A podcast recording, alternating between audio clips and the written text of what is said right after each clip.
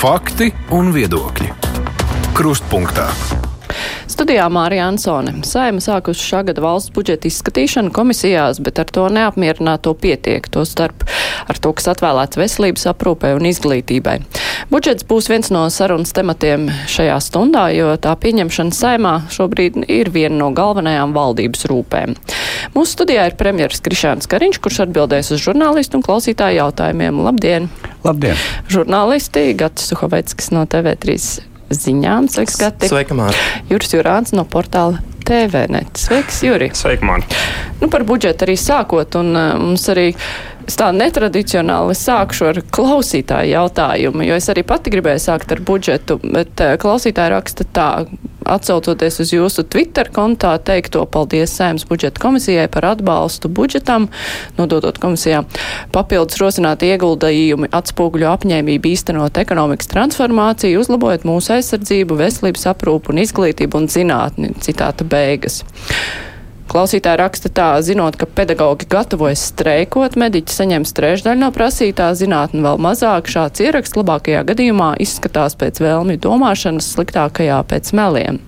Nu, kā sanāk tās citas prioritātes? Tās aizsardzība iekšlietas ir skaidrs, nevienam nav šaubu, ka tur vajag naudu, bet tās pārējās prioritātes ir finansētas pēc pārpalikuma principa vai kā?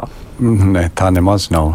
Pirmkārt, jāatgādina, ka par pedagogiem mēs jau pērnā gadā eh, panācām vienošanās, mēs ieprogrammējam eh, vidējā termiņa budžetā. Mums tagad nebija jāpieņem papildus lēmums.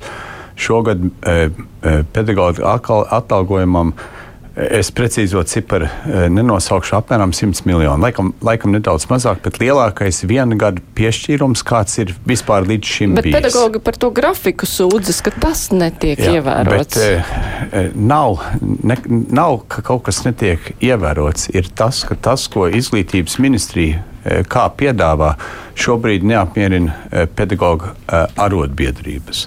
Un par ko ir runa?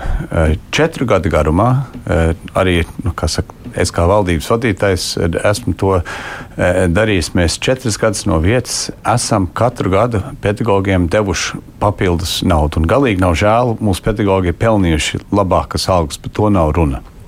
Bet grūtība ir tā, ka mēs redzam, ka dodot tikai aizvien vairāk un vairāk naudas, nav ilgspējīgs risinājums. No budžeta pīrāgiem ja mēs skatāmies, no cik mēs veltam izglītībai. Mēs esam turpat tās laikam drusku priekšā pat Igauniem. Bet viņiem ir efektīvāka sistēma un var atļauties pedagogiem maksāt gandrīz divu tik lielus algus kā mums. Mums ir nereformēta sistēma kopumā vietām ir, bet eh, kopumā nav. Un mēs nevaram tikai likt vairāk naudas, mums ir jāreformē sistēma. Bet pedagogi jau nav atbildīgi par to, un tur ir iesaistīts pašvaldības, kurām būtu jādomā par skolu tīklu, un pedagogi savukārt to nekādu nevar ietekmēt, un viņi sanāk ķilnieku lomā. Viņi nav ķilnieku uh, lomā, manuprāt. Uh, izglītības ministrija Čakšas kundze tagad strādā pie noteikumiem, kas varētu teikt, palīdzēs pašvaldībām pieņemt nepieciešamos lēmumus, nu, tā maigi izsakoties. Un, eh, pieņemot šos lēmumus un sakārtojot skolu tīklu, eh, tajā sistēmā slēpjas eh, vairāk desmit miljoniem pēc izglītības ministrijas aplēsēm. Un tajos desmitos miljonos ir nauda, kur arī turpmāk varēs turpināt palielināt mediķu, es atvainojos šoreiz par pedagogiem, pedagoģa algas. Tā tad e, nav runa par to, vai nākotnē pedagogiem algas augs, viņas augs. Ir jautājums, kas būs avots. Mēs kā sabiedrība nevaram vairs atļauties tikai likt vairāk un vairāk naudas virsū neefektīvai sistēmai. Varētu teikt, tas, e, tas ceļš ir izsmelts. Tagad ir beidzot jādara to, kas gadiem jau bija jādara, bet kur ir bijusi pretestība no visām pusēm.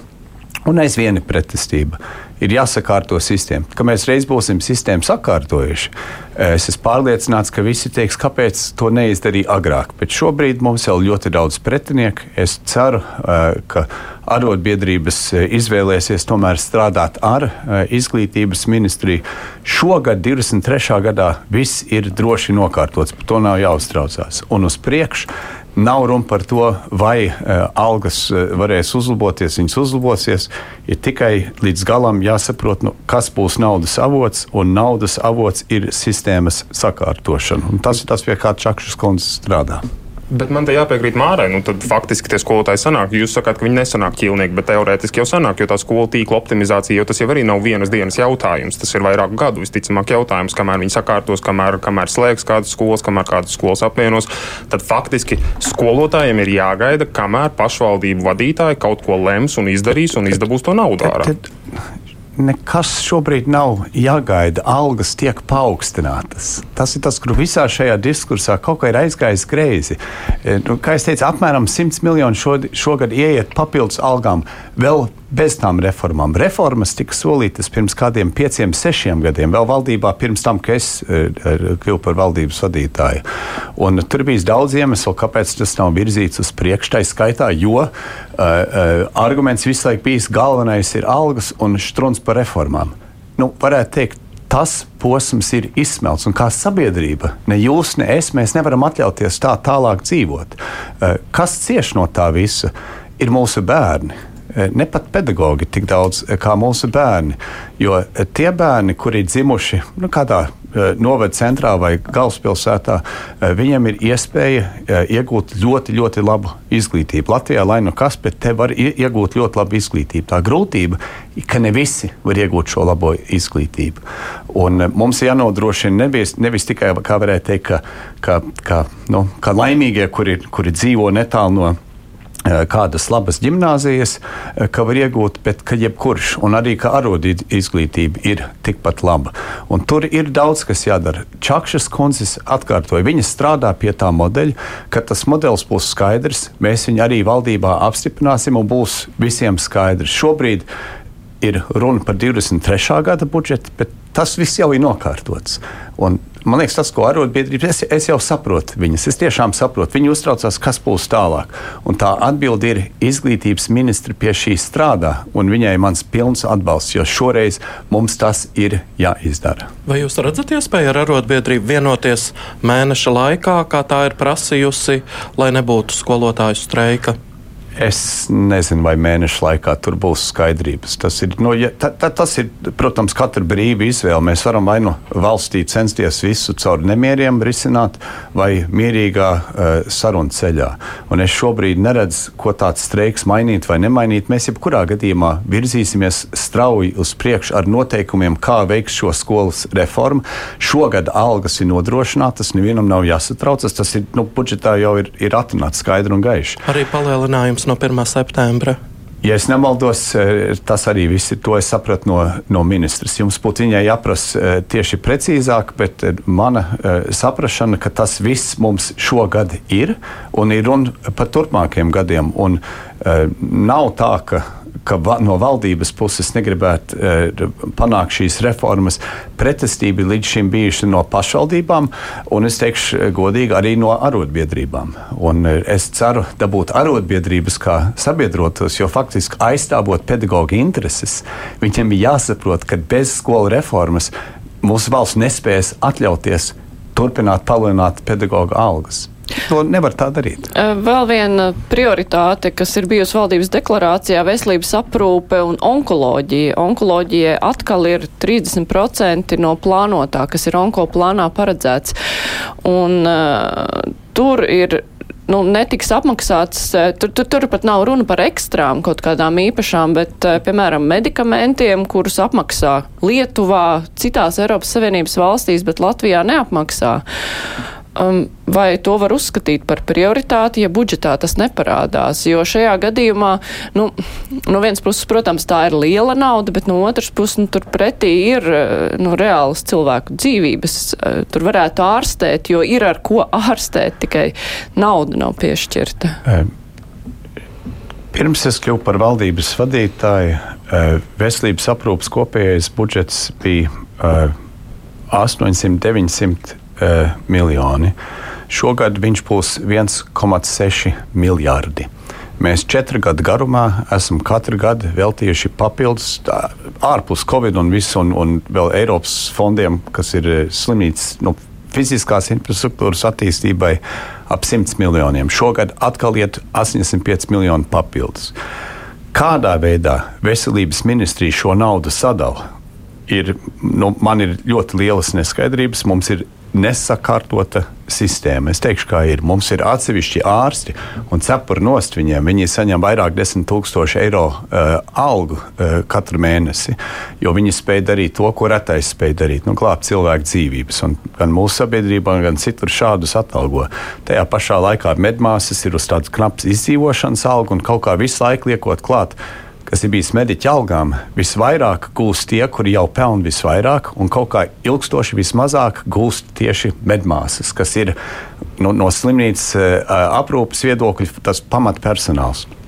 Un tur ir lieli, lielas neskaidrības un necaurskatījumības ar šādiem saucamiem tarifiem un kā vispār cilvēki tiek atalgoti. Jo ne jau veselības ministrija maksā šiem cilvēkiem algas. Veselības ministrija dod savus, caur eh, nu, to veselības dienestu, eh, eh, naudu nonāk slimnīcām, slimnīcas vadība tā tad organizē savu darbu un atalgo savus darbu. Viņiem vajadzētu onkoloģijai meklēt tās naudas, to miljardu iek, iekšienē vai es, kā? Nē, es norādu uz to, ka mūsu sistēmā ir milzu neefektivitātes. Ko tas nozīmē? Mēs izdodam vairāk naudas nekā tas būtu nepieciešams vienā jomā, un mums ir pa maz otrā jomā. Ko mēs esam pielēmuši, veidojot šo budžetu? Eh, mēs pielēmām papildus 85 miljonus veltīt vēl papildus visam eh, veselības aprūpes eh, budžetam, kur veselības ministrija, ja es pareizi atminos, 30 miljonu 30 no šīs miljoni, summas jā, un viņi prasīja konkrēti... 100 miljonus onkoloģijai vajag, un tas nozīmē, ka divas trešdaļas tur nav nosakts no jā, tā, nu, ko bet, vajag. Bet, uh, centrālā valdība nesadala katru individuālo pozīciju. To dara ministrijā. Tad viņiem vajadzētu ja, no, tās, no tādiem citiem miljoniem pārcelt uz onkoloģiju, piemēram. Es šobrīd nevēlos komentēt, ko viņam vajadzētu vai nevajadzētu darīt, jo es neesmu iedziļinājies visās budžeta pozīcijās. Es zinu, ka mēs kopīgi lēmām 85 miljonus veltīt papildus uh, veselības aprūpei, un veselības ministrija novirs 30 miljonus papildus onkoloģijai. Vai tas uh, pilnībā pietiek? Es arī saprotu, līdzīgi kā jūs, nē, tas diemžēl pilnībā nepietiek. Tad ir, tas, tā ir diskusija ar, ar, ar veselības ministriju, kāpēc nevirs viss 85 miljonus onkoloģijai, kāpēc daļa virs kaut kur citur. Un atbilde būs, jo arī citur ir nepilnības. Bet mēs esam līdzīgi, eh, eh, te mums ir divi izaicinājumi valstī, reāli izaicinājumi. Eh, izglītības sistēmā un veselības aprūpes sistēmā mums ir izveidojušās divas sistēmas, kuras nav optimāli efektivizētas. Mums ir piemēram, eh, veselības aprūpē mums ir izcili ārsti. Tiešām Latvijā ir izcili ārsti. Eh, mums ir ļoti labas medmāsas kvalifikācijas ziņā, nav problēma, bet tajā kopējā darba organizēšanā, nu, varētu teikt, no putnu lidojuma. Tur ir milzīgs trūkums. Tad mums ir arī trūkums, kur pēdējos četrus gadus ar diviem ministriem viņi pilnībā man pretojās. Mums ir starp 200 un 300 tūkstoši tautiešu, kuri dzīvo, strādā ārzemēs, maksā tur nodokļus bet viņi var atgriezties Latvijā jebkurā laikā ar savu personas kodu, saņemt to pašu kā pa pakalpojumu, kā jebkurš mūsu radioklausītājs, kurš šeit dzīvo un maksā nodokļus. Mēs esam, ja nemaldos, vienīgā Eiropas valsts, iespējams, pasaulē, kas varētu teikt, tik dāsni e, ir gatavi apmaksāt jebkuram veselības aprūpi, pat tādiem, kuri nepiedalās sistēmā. Es saprotu, ka pat mūsu tautieši, kas dodas strādāt Norvēģijā, Norvēģijā pat darba dabūnams no pirmās dienas tev nav šīs aprūpes, nu jā, laikam vismaz pusgads jāstrādā. Nu jā, bet tas ir atsevišķi tās, jo un, tur arī nav vēl precīzi skaidrs, cik lielu daļu no tā pīrāga viņi apēd. To jau mēs tagad nevaram pateikt. Mēs esam gadiem ilgi, es esmu gadiem ilgi argumentējis, ka mums jāievieš tas, kas ir pamatā visur citur, tāda vienkārša, saprotama veselības apdrošināšana, vispārējā veselības apdrošināšana. Jaunā ministre atbalsta šo domu. Iepriekšējie divi ministri bija kategoriski pret šai domai. Ieviešot šādu sistēmu, mēs varam gūt skaidrību. Un iespējams, ka tajā, teiksim, to, ko mēs lieki maksājam mūsu uh, radiem, kuri uh, dzīvo un strādā un maksā nodokļus ārzemēs, tur ir droši vien desmitiem, ja ne simtiem miljoni, kas faktiski uh, tiek izmantoti, kurus mēs varētu novirzīt citur. Mums jau nav žēl ārstēt cilvēkus, kuri strādā citur, bet līdzīgi kā citās valstīs, viņam tad būtu eh, nu, jāmaksā par Tas to. vai nozīmē, ka notiks atgriešanās pie sasaistes veselības eh, aprūpas pakalpojumu sasaistes ar nomaksātiem nodokļiem. Nē, Nē? E, e, veselības Kā? apdrošināšanas polise. Uh, ir kaut kas cits, kā tas, cik cilvēks maksā nodokļus. Un, ja, ja katram ir savu obligātā valsts veselības apdrošināšana, viņai ir policēja kāda vērtība. Un tie jautājums, kādā veidā valsts nosaka, kā šī vērtība, uh, šī nu, prēmija tiek samaksāta. Vai nu caur nodokļiem, vai citā veidā viņi varētu tikt samaksāti. Tas nav nekāda Ķīnas abece, tas ir atrisināts praktiski visās valstīs vienā vai otrā formā. Un mums ir sistēmiska pretestība tam, jo mēs, mēs, mēs jau ir jāsaprot tas, ko mēs kā sabiedrība gribam.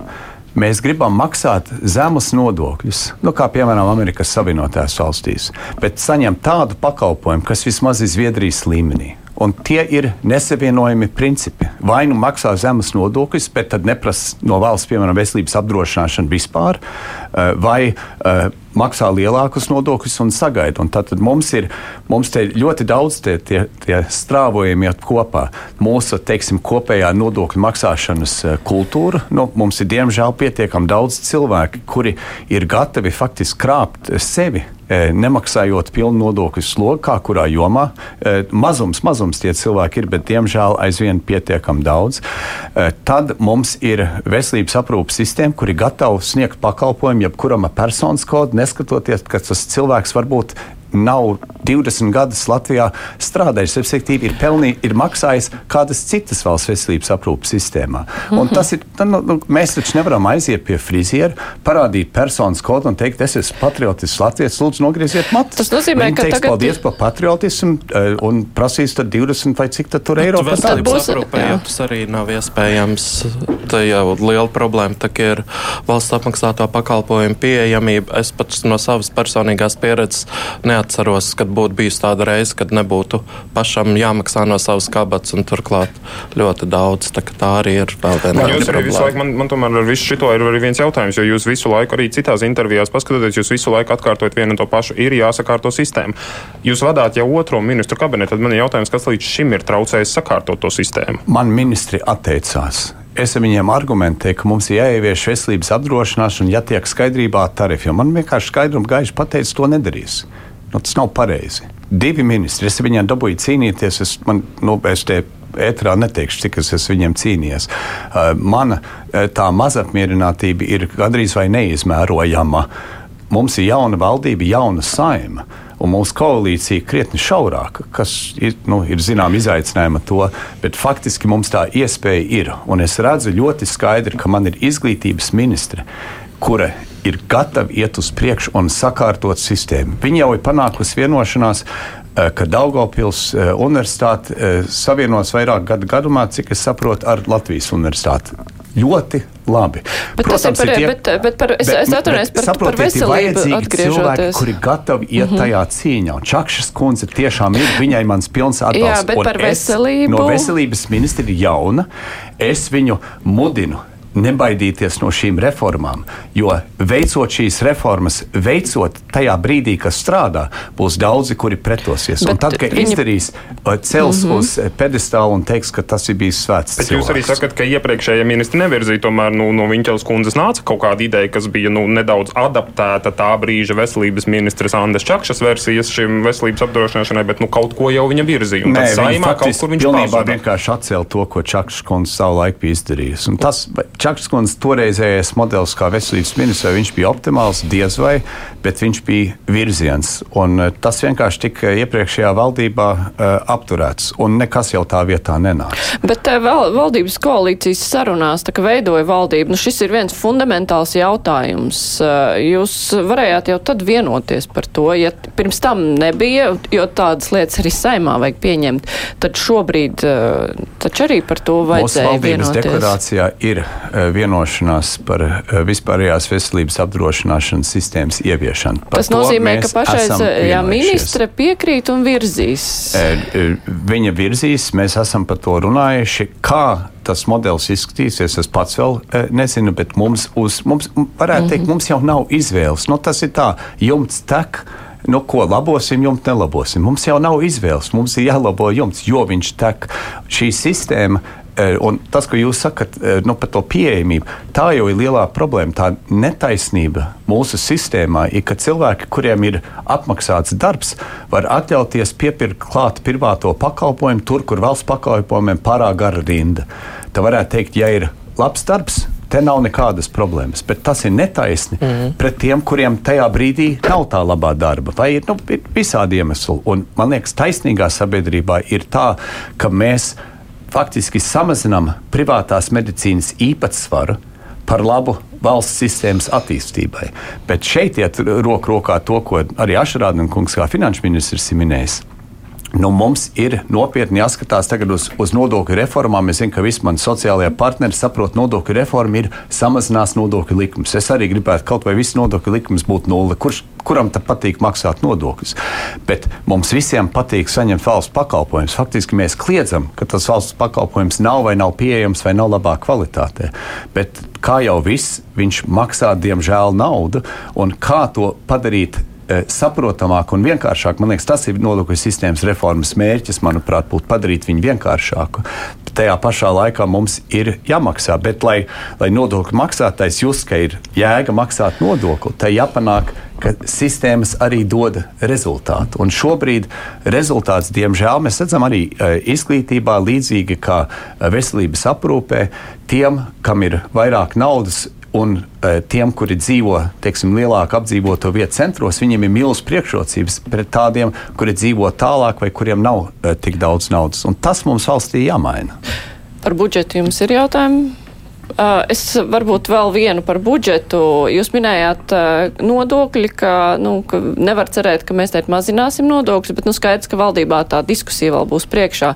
Bet uh, runājot par tādu nopietnu bāzes izdevumu pārskatīšanu ministrijās, nu, pagaidām līdz šim nu, nav sajūta, ka kaut kas tāds ir noticis. Kurā brīdī tas tiks darīts? Jo ir ļoti daudz lietas, kas tiek pārceltas no gada uz gadu. Tad, teiksim, runājot par 24. gadu, tas tiks izdarīts, būs laiks, nu, valdība jau cerams būs, taču šī pati. Ne, ir, man liekas, gadiem runā, nu, faktiski pēdējos varbūt 10 gadus, 15 nav runāts agrāk, runāja par saucamo nulles budžetu, nu, kas sāk viss no galda, nu, kā saka, notīrīt galdu, un tad kas mums ir vajadzīgs un būvēt uz augšu, un tā ir savā ziņā utopija, jo valstī nav iespējas nu, saka, uzgaidīt, eh, kamēr to dara. Ja mēs varam izvākties no savu dzīvokļa, varbūt pie radiem, eh, kamēr tur nezinu, tapetes nomaina un grīdas pārtais, mēs varam izvākties, sakārtot, ievākties atpakaļ. Valsts jau nevar apstāties. Bet kas ministrijās notiek un kur finanšu ministrija tā iestāde, kas to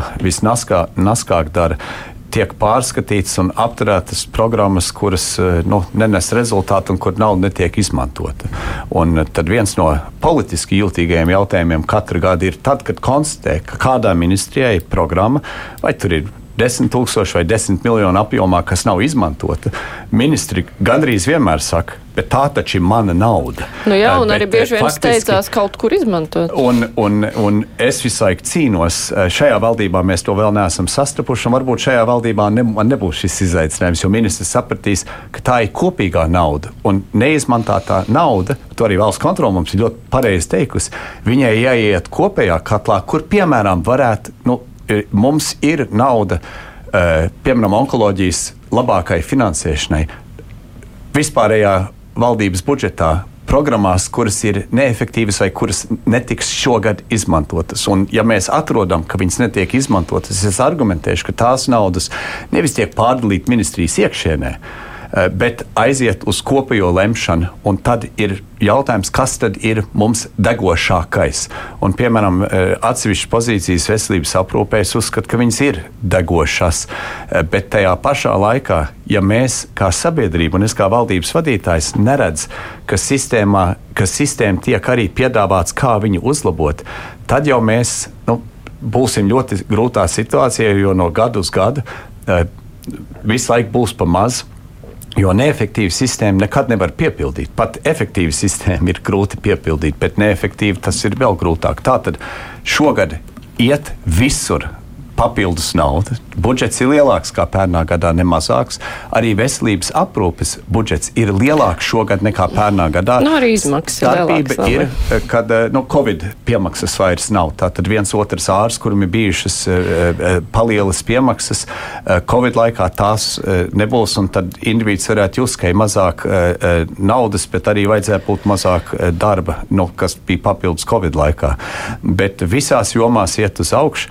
Vai uh, viss ir ideāli sadalīts? Uh, nē, uh, es nevarētu teikt. Bet vai viņš ir savā ziņā optimāli ņemot vērā visas sabiedrības vajadzības?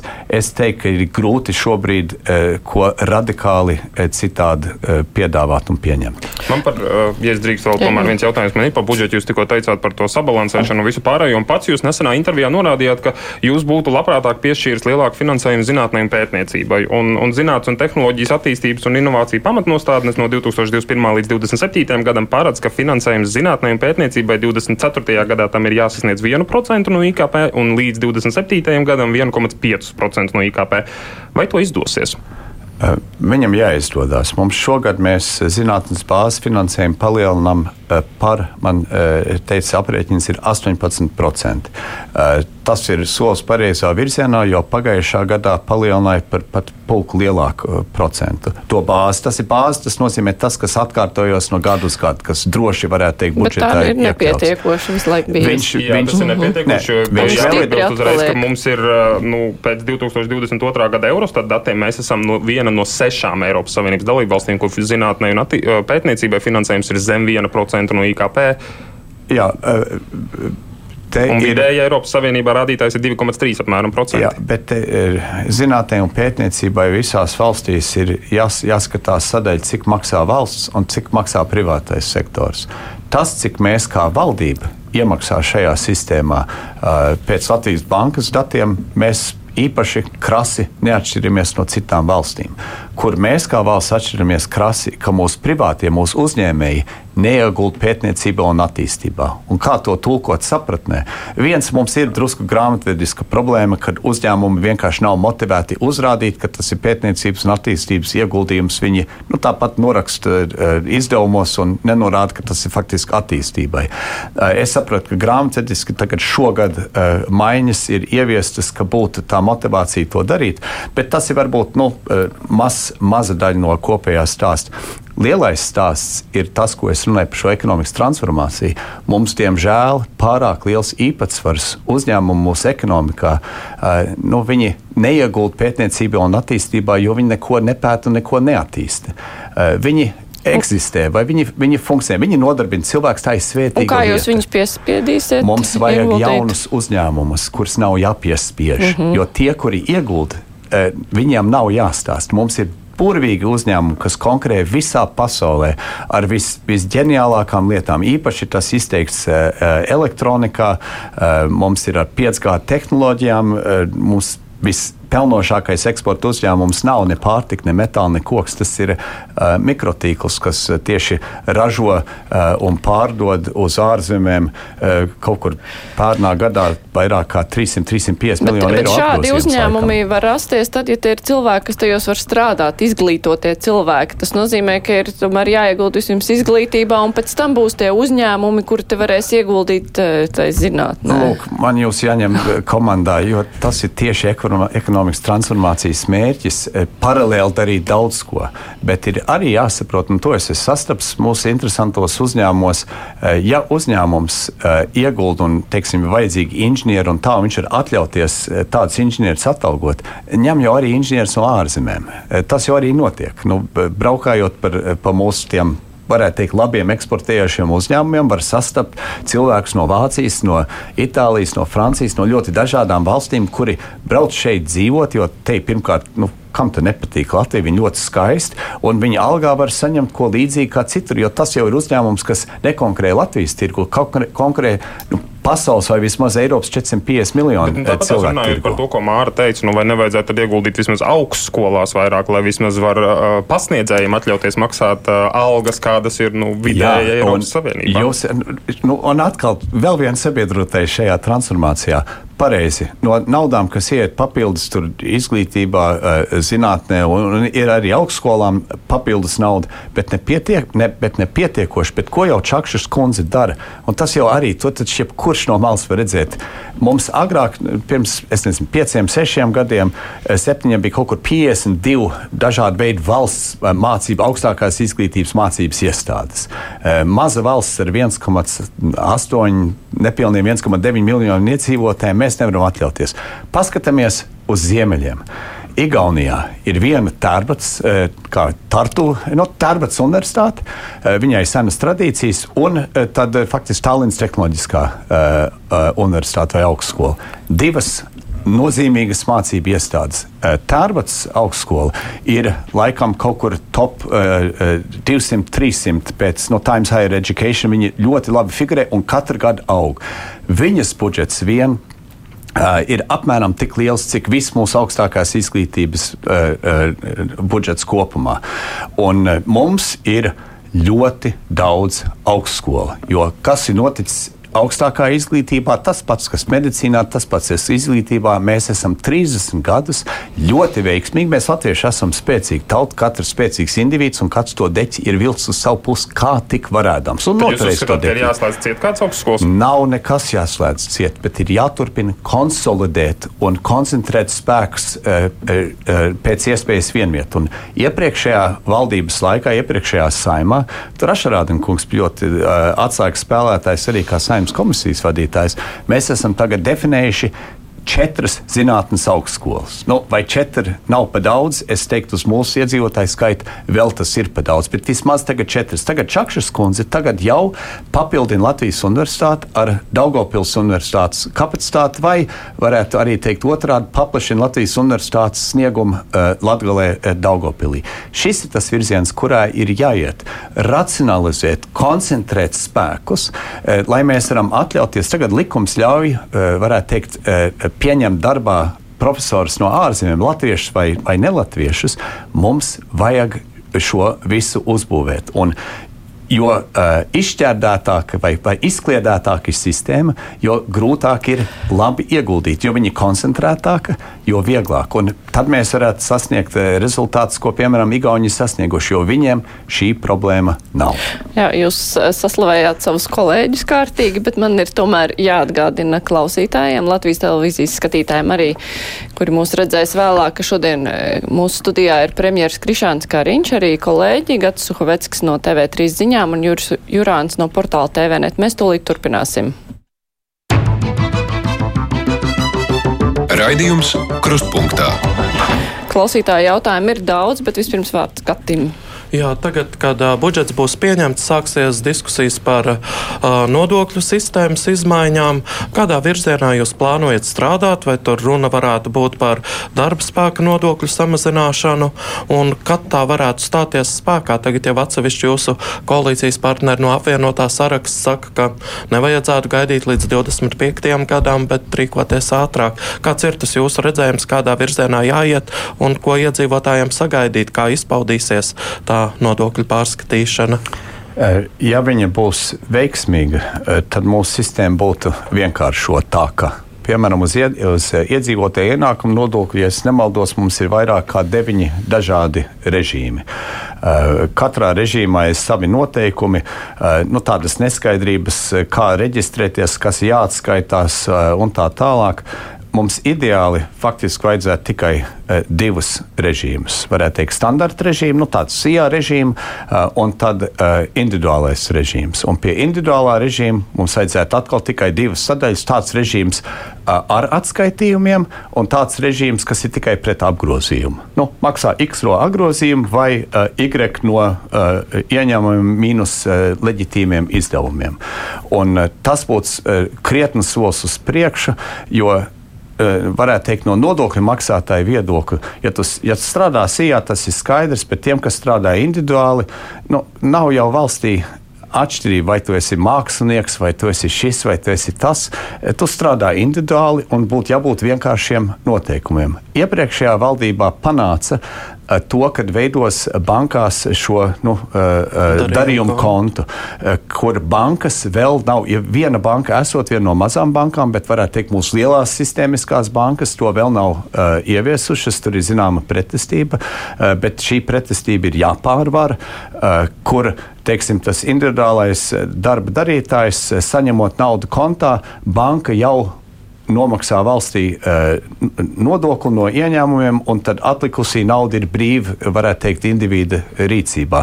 Līdzīgi kā mums ir tagad, piemēram, ja mēs pelnām procentus no depozīta, uh, banka uh, samaksā valstī, kas pienākās un, un atstāja iedzīvotājiem pārpalikumu. Tā tad vienkāršot sistēmu. Vai mums viena vai otra likmulta jāiet uz, jāiet uz augšu vai uz leju, eh, tas, ir, tas būs diskusija jautājums. Eh, mums ir jāskatās, lai mums būtu nu, konkrēti spējīgas likmes ar mūsu kaimiņiem, Igauniem un Lietuviešiem. Bet eh, man jau pirmā plašā tikšanās tagad ir notikusi ar visiem mūsu sociālajiem partneriem, vēl klāt Latvijas banka, ārzemju investoru padomu, nevalstisko organizāciju pārstāvi Un, uh, tur ir interesantā atziņa, piemēram, no Latvijas bankas analīzes puses, ka tā teiks, mūsu konkurētspējas grūtība nav jau tieši nodokļu sistēma, jo, ja skatās uz mūsu nodokļu, uh, nodokļu slogu, tiem, kam ir viens, divi vai trīs apgādājumajiem, eh, tad mums ir eh, atbilstošā teiksim, ienākuma līmenī pat varētu būt zemāki nodokļi kā Igaunijā vai Lietuvā, nu kā kurā posmā. Bet tur ir jāskatās, vai mēs nevaram vēl kaut ko tur uzlabot. Es būtu ļoti gandarīts, ja mēs kaut ko varētu samazināt, bet man ir diemžēl jāpiekrīt finanšu ministram, ka zinot, ka mūsu valstī izdevuma vajadzība ļoti daudz, ja mēs tikai nu, mēs nevaram tikai samazināt nodokļus, no, jo tad samazinās uh, to, kas tiek iekasēts, bet varbūt kaut kur ir jākompensē. Un, protams, būs tie, kuri argumentē, bet paga, paga. Ja tagad daudzi nemaksā nodokļus, samazināsim likmes un vairāk uh, piedalīsies nodokļu maksāšanā, respektīvi iekasēs vairāk. Uh, tā ir iespējams kaut kādā. Nu, Teorijā tas tā var darboties, bet praksē mēs redzam, ka viņš nu, nevienmēr tā ir. Bet mēs skatīsimies iepriekšējā valdībā Savienībā mēs konsekventi mēs samazinājām sociālo nodokli, mēs palielinājām neapliekamo minimumu, un arī tagad minimālā alga tiek arī šogad ir uh, paaugstinājusies. Tātad kaut kādas maiņas notiks, eh, dis, bet tas būs diskusija rezultātā, un es negribu, ka tas ir balstīts uz es domāju, viņš vai viņa domā, eh, bet uz, uz analīzi kopā ar mūsu visiem, eh, varētu teikt, sociālajiem interesētiem partneriem, kas pārstāv mūsu plašo sabiedrību.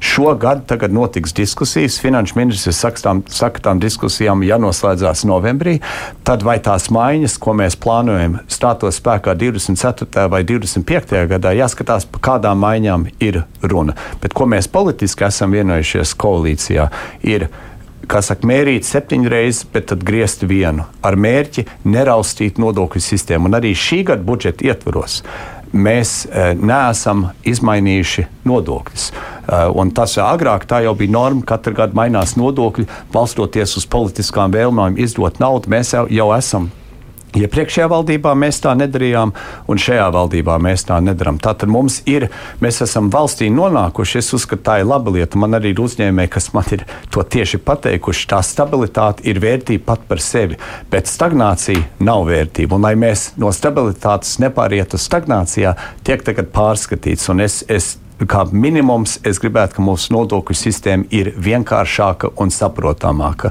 Kā optimālais, ka tur vēl viena otra likuma varētu izmainīties vienai otrai iedzīvotāji grupai pa labu. Mums klausītāji ir uzrakstījis tādu īsu vēstuli, kas sasaucas ar kādām desmit citām vēstulēm. Klausītāji rakstā, medicīnā tieši tāpat kā valdībā un valstī val, vairāk pieliek pie algas tiem, kuri jau tā saņem vairāk un ilgstoši. No VSA, Valsts sociālās apdrošināšanas aģentūras raksta kāda darbiniece, ka tur algas vadībai tiek palielināts par vairākiem desmitiem procentu, no 43% līdz 53%, bet inspektoriem vidēji par 6,8%. Tā nav vienīgā nozara. Citi klausītāji ir vienkārši sašutuši par to, ka valdība tā arī nepārskatīja lēmumu par algu pielikumu augstākajām amatpersonām un vaicā, vai var apliecināt, ka patiešām, patiešām zemākās algas ministrijās nekāda nebija iespējams celt, ja alga nebūs pielikta prezidentam, premjeram, valdības locekļiem un citām amatpersonām. Kā ar to pārskatīšanu tas tā arī net, netika izdarīts? Nu, bet ir vispirms par algu sistēmu. Protams, mēs gadiem ilgi mūsu uh, publiskā sektora algas ir tik, tiktas izmaksātas visādos veidos ar piemaksām, ar, ar nu, kā saka, varētu teikt, tā visādos slēptos Jā, veidos. tā ir tā viena tas sakārtošanas Jā. sadaļa. Tajā pašā laikā tas algu pielikums augstākajām amatpersonām ir ļoti konkrēti procentos izsakāms pārējiem. Nu, kā tur sa sanāks no noņems piemaksas, kaut ko pieliks atkarībā no tā, ko var kur iestāde atļauties. Kāpēc sāka no otra gala? Uzreiz konkrētu skaitu, skaitu liedod amatpersonām, pārējiem Nu, kā sakārtos? Un nedaudz arī piebilstot uzreiz Māras tam ja, komentāram, ka ir arī iestādes, kur visu laiku maksāja ar šīm piemaksām, un tagad attiecīgi piemaksas ir noņemtas nost, tad attiecīgi tas ir pilnais nodokļu sloks, un tad viņi algu saņem beig beigās pat mazāku nekā pirms tam, kad viņiem bija šīs piemaksas. Es sadzirdu, un es būšu pirmais, kas atzīst, ka droši ir vēl virkni nepilnību. Eh, tā, diemžēl, eh, viņš tad sanāk.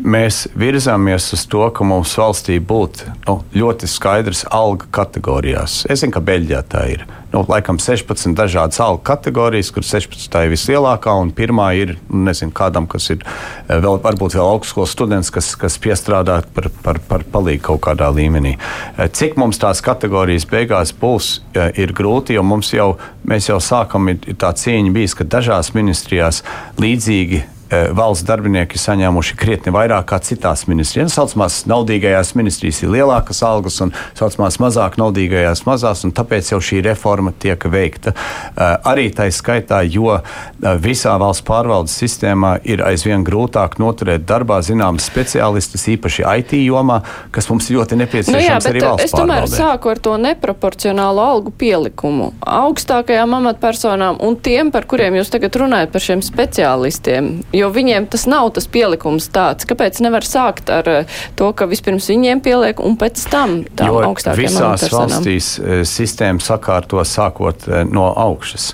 Un, ja mēs paskatāmies teiksim, mūsu valsts darbinieku atalgojumā, viens no žurnāliem, es neatceros, kurš tas ir, laikam nedrīkst reklamēt valsts rādio, bet kas katru gadu, es neatceros, kurā mēnesī, nu, publisko no valsts amatpersonu deklarācijām Eh, visādi nu, valsts amatpersonu atalgojums. Un, ja mēs skatāmies tur, tad mūsu saucamās augstākās valsts amatpersonas, kas tagad ir četras nostādītas vienlīdzīgā līmenī, eh, kas ir valsts prezidents, ministra prezidents, saimnes priekšsēdētājs un augstākās tiesas eh, priekšsēdētājs, tās nebūtu nav lielākās valsts algas pārvaldes sistēma. Mums aizvien ir tā, ka vienā otrā ministrijā valsts sekretāri pelna pulk vairāk par pašiem ministriem, jo viņi vēl tiek nodarbināti visādās eh, padomēs, un mums tās nepilnības eh, tik tiešām aizvien ir. Bet eh, sistēmu var visvieglāk sakārtot, kad ir noteikts kaut kur augšā griezs, un pārējais viss ir atvasinājums no tā. Piemēram, Eiropas parlamenta deputāta alga noteikti vai bija noteikti, ja nemaldos, 30% no Eiropas Savienības tiesneša alga. Tā tad maina tikai viena alga, tiesneša alga, un viss pārējais mainās. Un tad visā ierēdniecībā atkal tur ir koeficienti kas ir atvasinājums no aug, augšējā gala. Un tas ko jūs saucat par augšējo galvu, kur cilvēki uztraucās.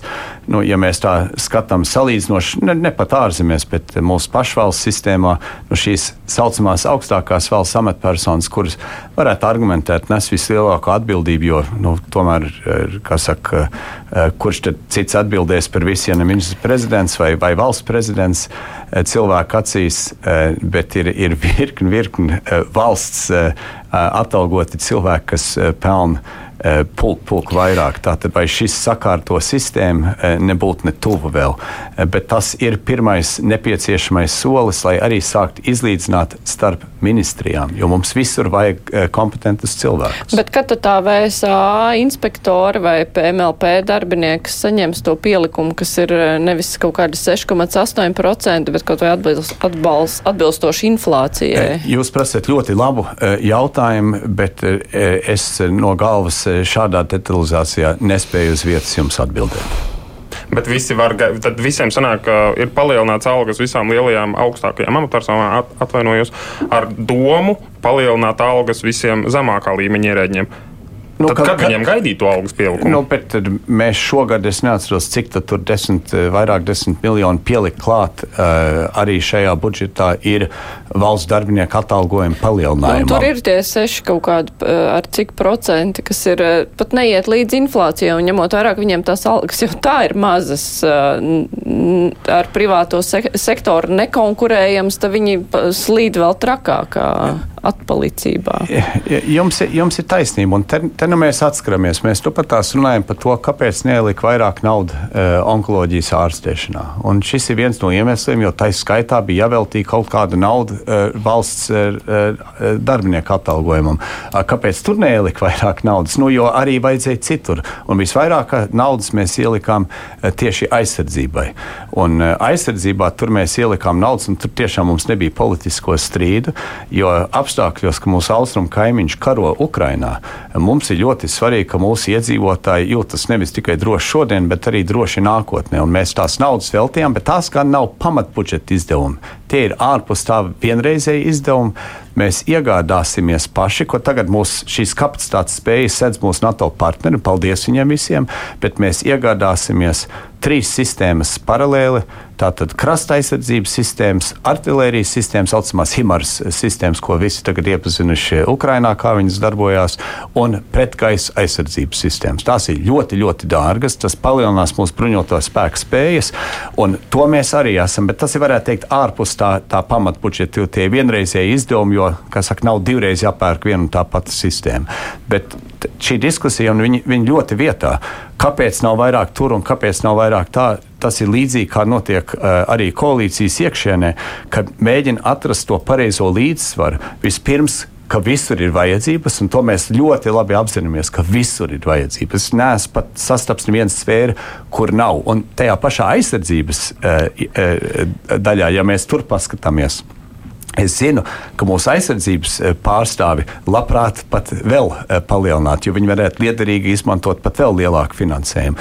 Tātad nav tā, ka kaut kur pietiek, bet ir jautājums, vai mēs varam pietiekami līdzsvaroti iet uz priekšu. Un šobrīd tāds līdzsvars ir atrasts, bet lai mēs uz priekšu, tad paralēli ne tikai ir runa par to, kā ieguldīt naudu, bet arī kā mēs varam iespējams un ir jāuzlabo, jāvienkāršo nodokļu sistēmu, eh, bet arī Ko mēs varam darīt ar mūsu esošajām ministrijām vai sistēmām, kā nu kurš to grib aprakstīt, eh, lai viņas uzlabotu efektivitāti? Jo, ja reiz mēs maksājam nodokļus, es taču arī esmu interesēts, ka tā nauda tiek liederīgi, manuprāt, liederīgi izmantot. izmantot. Jā, mums ir ārkārtīgi maz laika palicis par eh, aizsardzību. Vēl, ja var tā īsi un neizplūstot, eh, tur būs milzīga nauda šajā nozarē. Tā ir slepena lielākoties. Tur žurnālisti nevar skatīties uz visiem iepirkumiem un kaut ko pārbaudīt. Vai jūs, prāt, tur pietiek šajā nozarē uzraudzība, nu, lai var būt droši, ka patiešām, ka tur nav kaut kāda, nezinu, naudas izsaimniekošana, vai to nu, uzraudzību Protams, nevajag Man kā pirmām ir bažas par to, ja mēs par ne tikai desmitiem, bet par simtiem miljonu eiro papildus ieguldījumiem iet runa. Mums knaps jau ir publiski paziņojis ka viņi pastiprinās savu varētu teikt, savu uzmanību tieši eh, lieliem eh, aizsardzības eh, industrijas iepirkumiem. Tas ir labi, ka viņi to dara. Arī Knaps ir saņēmis ievērojamas ieguldījumus pēdējos gados ne tikai algās, bet teiksim, arī viņi, viņi spējai veikt savu darbu. Mūsu valsts kontrole arī strādā.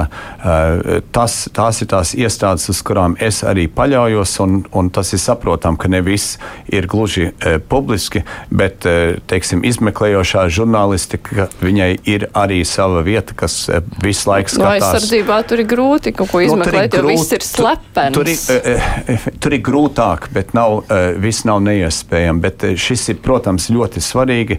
Un labā ziņa, ka līdz šim man nav nekādas indikācijas, ka mums šajā jomā būtu problēmas, jeb kādas nopietnas.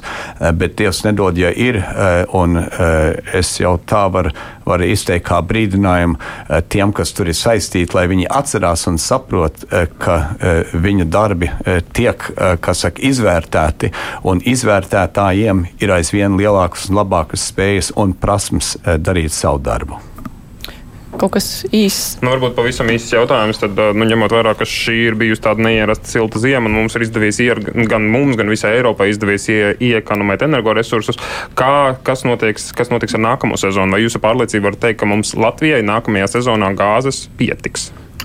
Mums ne tikai jaunā klimata ministrija, bet arī Latvijas energo augstsprieguma tīkls, Connexus, tātad mūsu Inčkalna Eh, pazemes krātuves eh, saimnieki eh, man stāsta un arī publiski stāsta, ka šobrīd nav nekāda norāda, nav nekādas norādes uz to, ka mums būtu izaicinājumi gaidāmi, teiksim, resursu pietiekamībā. Man jau teica, ka droši vien šogad nebūs problēmas, kaut gan bija viens kaut kur sešu nedēļu, divu mēnešu posms, ka tiešām bija zem jautājuma zīmes, ka bija ļoti grūti, ka valsts pasūtīja, nu, uzdeva Latviju energo iegādāties papildus gāzi gāzes. To es nezinu, kurā brīdī par to drīkst vai nedrīkst publiski runāt, bet nu, teiksim, tā bija izaicinājums pirmajā pēcpusdienā. Nu, nav tā, ka aiziet uz veikalu un nopērk gāzi. Un uh, Latvijas energo uh, faktiski ļoti, ļoti veikli un spējīgi to paspēja izdarīt. Mums tā tad pazemē sēž šobrīd Latvijas valsts īpašumā divas lielās kuģa kravas ar gāzi, kas mums ir rezervē, ja kas, bet mēs redzam, ka uh, daļai siltās ziemas dēļ, un daļai arī tam, ka turpina visu laiku importēt gāzi.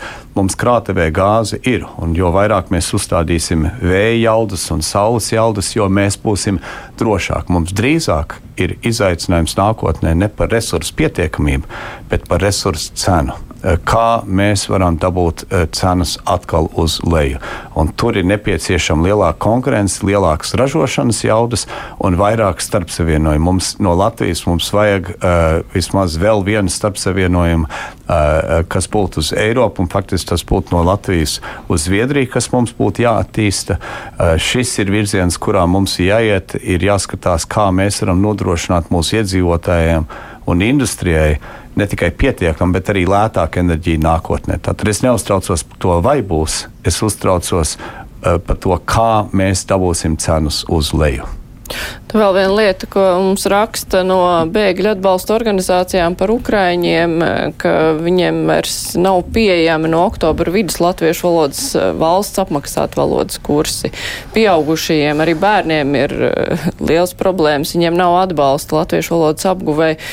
Tur nav īsti jautājums, bet acīm redzams aicinājums par to parūpēties, jo iespējams daudz cilvēku tie uzkavēsies ilgāk nekā bija plānojuši. Paldies par ziņu. Es zinu, ka mēs par šo esam runājuši agrāk. Kontekstā vajag vairāk naudas veltīt, mēs vairāk naudas tam veltījām. Nu, tad es uzzināšu, kas tad ir tajā ķēdē noplīsis, jo uh, nevajadzētu būt tā, ka nav pieejamības.